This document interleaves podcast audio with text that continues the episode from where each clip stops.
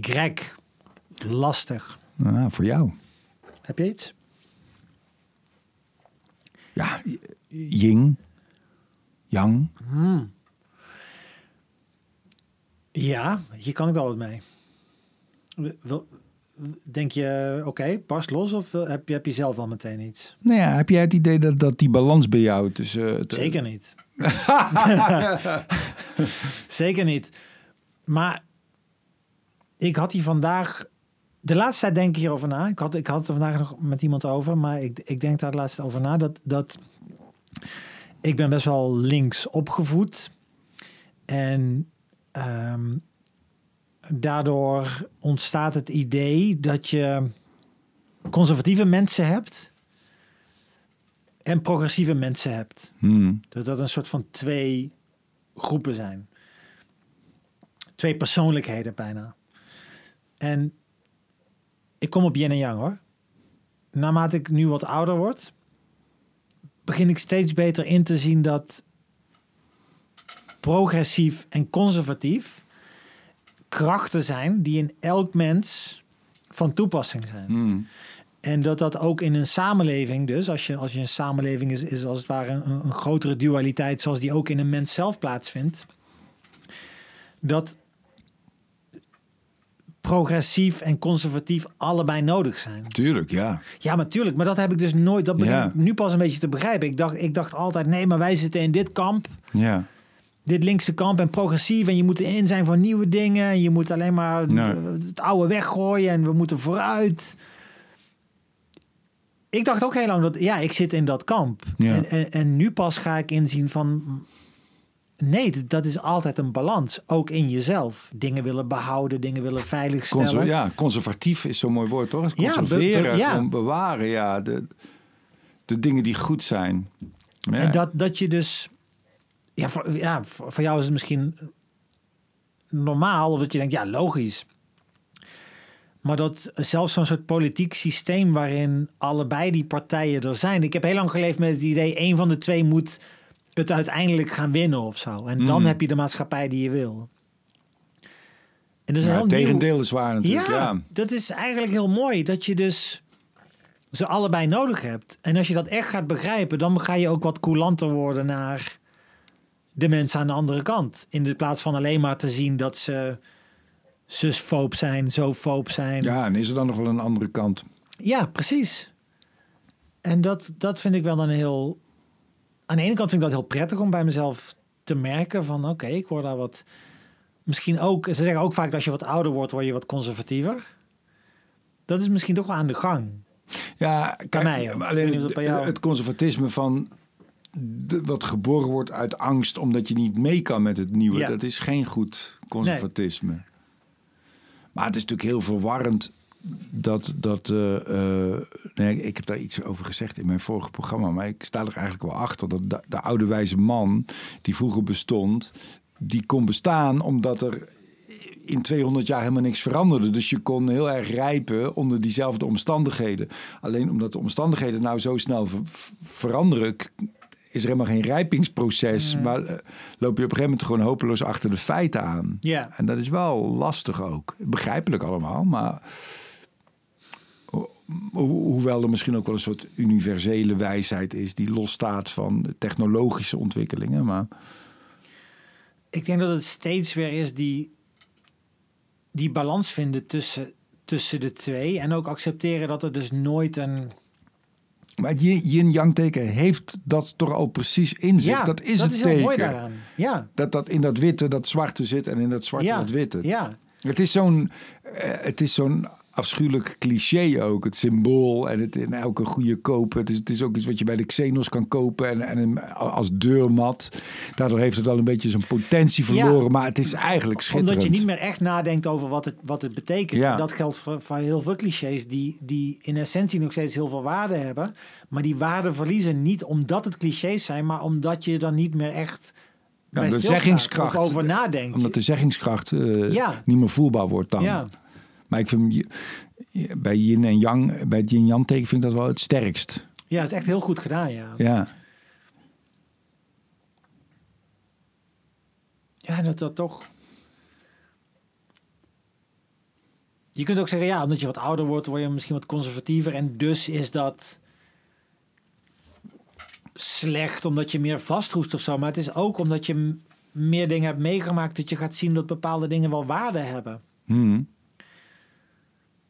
Maar daarom is ook, daarom is waarachtige diversiteit toch ook iets heel uh, leuks. Dat er inderdaad in een groep of in een, in een besluitgroep dat daar jonge mensen zitten en wat oudere mensen en wat en ja. verschillende. Maar daarom is dat ook zo goed. Ik bedoel, je, je hebt de waarheid ook niet in pacht als je ouder bent, maar het is, het is, ook dat moet vertegenwoordigd worden, vind ik ook. En met het vrouwelijke en het mannelijke, waar, waar Yin en Yang natuurlijk ook heel erg voor staat, is dat natuurlijk ook heel erg aan de hand als je ouder wordt. Dat als je ouder wordt, omdat je minder testosteron aanmaakt, vrouwen mm. maken minder oestrogeen aan. Dus je, komt, je wordt eigenlijk, je raakt meer... dichter bij elkaar. Ja. Ja, dat is ook mooi, ja. Ik las, ik ben zo'n fucking vet boek aan het lezen, Tribe. Wat, heel, wat gaat over de, de miljoenen jaren dat wij, de miljoen jaren dat wij als, als Homo sapiens leefden en, en de afgelopen 10.000 waarin dat uh, radicaal anders is. Er wordt heel veel wetenschappelijk onderzoek aangehaald. Uh, is op wat voor manieren wij helden kunnen zijn, de mens. En er is een heel groot verschil tussen uh, mannen en vrouwen. Dat de situaties waarin bijvoorbeeld iemand verdrinkt of dreigt te verdrinken. Of iemand moet uit een huis worden gered, want het staat in brand. Hmm. Die acute, onmiddellijke momenten van heldendom zijn mannen verreweg eerder geneigd om in te grijpen. En is het ook omdat spierkracht daar een rol in speelt? Het heeft spierkracht, maar dan is weer de vraag waarom is die spierkracht meer? Uh, omdat wij als, als toen wij in tribes waren, als als er acuut gevaar dreigde, dan moesten wij ingrijpen. Ja andere tribes afvechten, ja. verslaan, et cetera. Dus dan zou je denken, oh ja, dus helden zijn dan altijd de mannen. Maar dus op, op momenten die langer uitgetrokken zijn, zoals bijvoorbeeld een vluchteling in huis nemen of een, of een, uh, een onderduiker, mm denk aan de Tweede Wereldoorlog, dan zijn vrouwen eerder geneigd om te zeggen, kom maar bij mij wonen. Ja. Dus een langer gevaar. Ja, en niet de, de impulsieve, maar de secundaire beslissingen. Ja. En dat zit dus gewoon helemaal biologisch zit dat erin. Maar nu komt het vette. Als je een groep mannen of vrouwen isoleert van het andere geslacht, ja. dan krijg je binnen die groep mannelijke en vrouwelijke kenmerken. Ze hebben die sterker worden. Die die, die, die, rollen op zich gaan. Ja. Dus er is een of andere eh, onderzoeker gedaan. Er is één, één groep mijnwerkers die is vast komen te zitten onder de, onder de grond.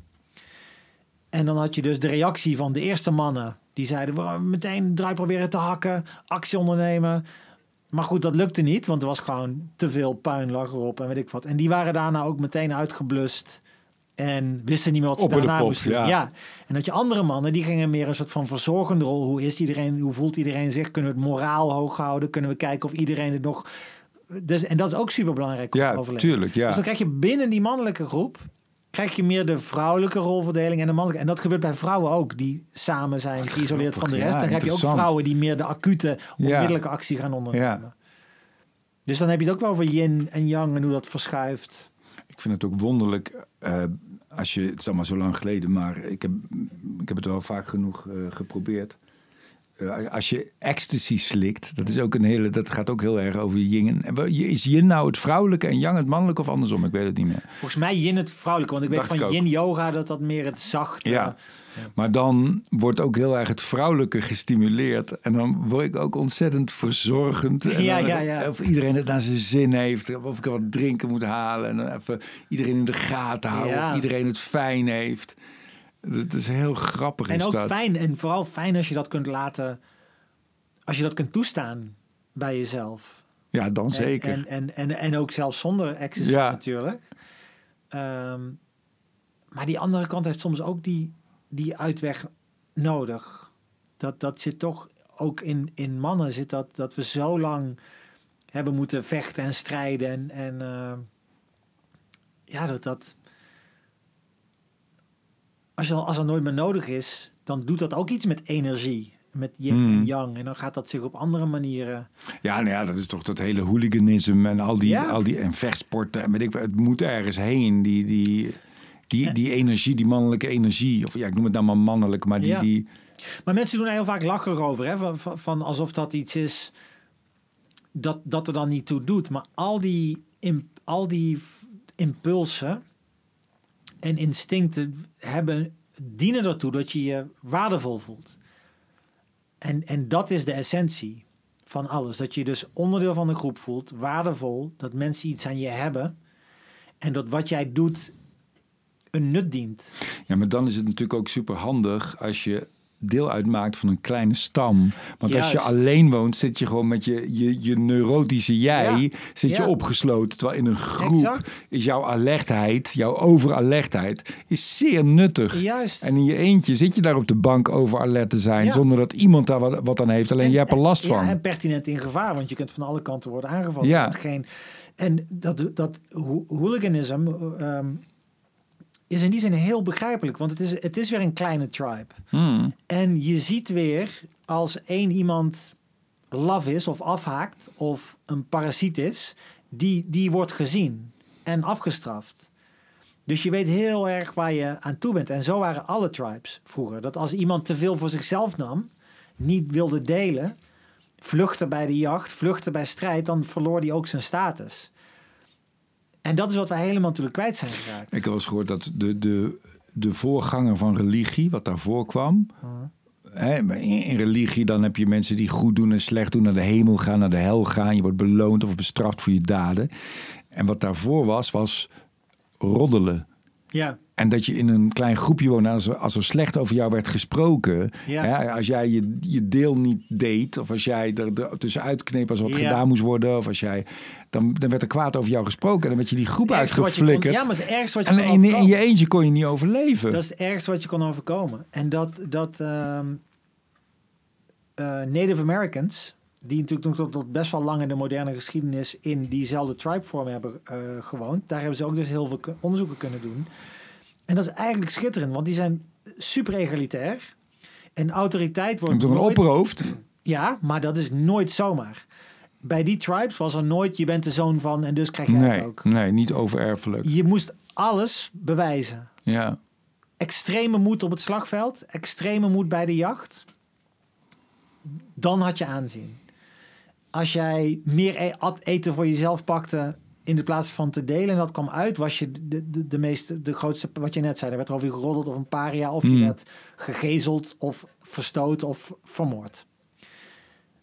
En dat is eigenlijk zo intrigerend dat als je nu de huidige maatschappij ziet als een grote tribe, dat we dus niet meer die zelfreinigende functie hebben. Dat je dus inderdaad Wall Street mensen, eh, dat zijn eigenlijk dus mensen die daar frauderen, die dus superveel eten pakken ten koste van het eten van de rest van de tribe, maar dus nooit uit die tribe gezet worden. Nee, Ever.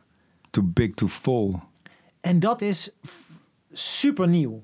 In de Hmm. afgelopen miljoen jaar is Ja. dat super nieuw. Daar stonden de grootste repercussies stonden daarop. Dat, dat gedrag was het allerergste. Dat, was eigenlijk, dat waren de, de enige gedragingen waar je doodstraf voor kon krijgen. Dat en moord. Maar is er, een, is er een verlangen in jou om deel uit te maken van een, van een stam, van een Zeker. groep? In ons allemaal. De, de vraag is... Ja, maar het gaat nou even om jou. Ja, ja, ik ook zeker. Maar ik, ik denk dat de vraag is meer in hoeverre besef je het. Hmm.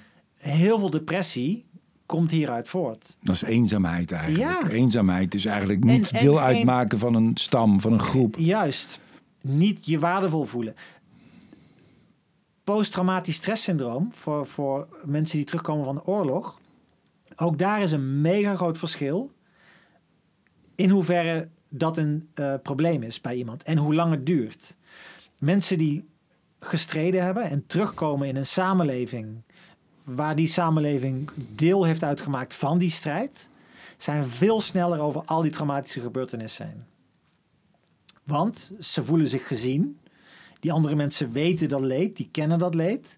Dus ze hebben niet het idee dat ze in een compleet nieuwe Mm. samenleving terechtkomen Mm. waar niemand hun ziet of herkent. Alleen maar zeggen: Hey, we respect the troops of thank you for your service. Ja. Posttraumatisch stresssyndroom bestaat bijna niet in samenlevingen die non-stop in, in strijd zijn of in gevaar zijn. Nee, zoals nee, Native ja. En dat vind ik super boeiend. In Israël, eh, even los van waar je, hoe je politiek erin staat of wat je terecht vindt, ja of nee. Omdat daar bijna elke jonge man en heel veel vrouwen trouwens ook, een paar jaar moeten of een jaar in dienst moeten. En dus dat gevaar kennen, dreiging Mhm. kennen, conflicten kennen. Die komen terug de samenleving in als burger. Maar al die andere burgers hebben ook zoiets soortgelijks meegemaakt. Dus je kunt daarmee praten. Ze weten wat je hebt meegemaakt. Daar in Israël is, bestaat bijna geen posttraumatisch stresssyndroom. Het is pas een probleem als je dus terugkomt in een samenleving die, die op geen enkele manier weet wat jij daar hebt gedaan, waar het goed voor was. En je komt terug en je denkt, iedereen doet hier toch zijn ding voor wie heb ik eigenlijk gevochten. En dat is wat Vietnam-veteranen en Irak-veteranen, waarom die zo Hmm. moeilijk terug de samenleving in En komen. mijn favoriete scène uit... Ken je, heb je de Hurt Locker? Heb je die film gezien? Zeker, Geweldige film. ja. En dat gaat over een man die bommen ontmantelt in ergens in, ik weet niet, in Irak of zo. En er zit een scène en allemaal heel heavy shit in van die pakken en hij kan exploderen en eh, heel eng, heel gevaarlijk. En dan zie je hem op een gegeven moment gaat hij terug, krijgt hij verlof of dan is hij klaar. En dan staat hij in zo'n Amerikaanse enorme supermarkt voor een wand met van die breakfast cereals. Echt, kan hij kiezen uit, uit, uit 80 soorten ontbijtgranen. En dan zie je hem kijken. En dan moet hij iets beslissen. En hij kan niks beslissen. Nee. En dan pakt hij één pak en dan flikkert hij in het mandje. En dan een kut. En daarna zit hij weer, zit hij weer daar. Ja. Zit hij weer in zo'n pak bommen te ontmantelen. Omdat dat andere, dat, dat kan het niet zijn. Maar dit, dit is een dramafilm, maar dit, dat is gebaseerd op, op, op daadwerkelijk eh, onderzoek. Zelfs mensen die eh, de Tweede Wereldoorlog, uit de Tweede Wereldoorlog kwamen, bijvoorbeeld in Londen, hebben ze heel veel onderzoeken naar gedaan. Die mensen missen allemaal iets uit die tijd. Omdat, en dat is niet om oorlog te verheerlijken, maar gevaar dwingt je weer tot een oud tribaal systeem. Voor elkaar zorgen, er is iets ergs aan de hand. Eh, voor elkaar opkomen. De, de, de- er is avontuur in die zin, tussen Mhm. aanhalingstekens. Zelfmoordcijfers dalen. Het- voor mij was dit ook allemaal nieuw, maar ik vind zo. Nu ik het snap en het zie, denk ik, het is ook zo logisch eigenlijk. Maar zelfmoordcijfers dalen extreem in oorlogssituaties. Na 9-11 En dan in voel je Amerika- dat je wil leven. Ja. na 9-11 in Amerika, de twee jaar daarna, radicaal gedaalde zelfmoordcijfers. Je bent under attack. En dat betekent niet geweldig, ik ben under attack. Het is nog steeds verschrikkelijk, maar het zegt niks over hoe geweldig oorlog is. Want oorlog is verschrikkelijk, dat zeggen ook de mensen die het missen. Het zegt iets over ons leven buiten oorlog. Hmm. Het klinkt bijna als een vaccin. Wat, wat je immuunsysteem een, eh, Ja, een stoot geeft. Waardoor het aan de gang moet. maar ik, ik, ik snap het. Hmm. Ik, het, het makes sense. En dat betekent niet, we moeten allemaal, we moeten meer oorlog. Maar het, we het heeft te maken met hoe geïsoleerd we zijn geraakt buiten oorlog om. Hmm. Hoe we eigen eilandjes zijn geweest. En we, we kunnen daar psychisch helemaal niet mee omgaan. Er is zo'n verhaal van een, een neushoorn in een dierentuin in Duitsland, in Keulen of Düsseldorf, ik weet niet meer waar. En dat, dat ging niet goed met dat beest. En er kwamen ook wel van die, van die artsen kijken, want er was fysiek niks mis met dat beest. En op een gegeven moment trokken ze de conclusie van het beest is depressief. En toen was er een oppasser die kwam op het idee om het eten, wat, wat elke dag maar gewoon in die kooi of in dat hok werd gegooid, om dat te verstoppen zodat dat beest elke dag twee uur bezig was om zijn eten bij elkaar te scharrelen. En vanaf dat moment was die depressie over. Ja. Ja. Ja, dat ja, ja dat, dat is het. Wat was het woord?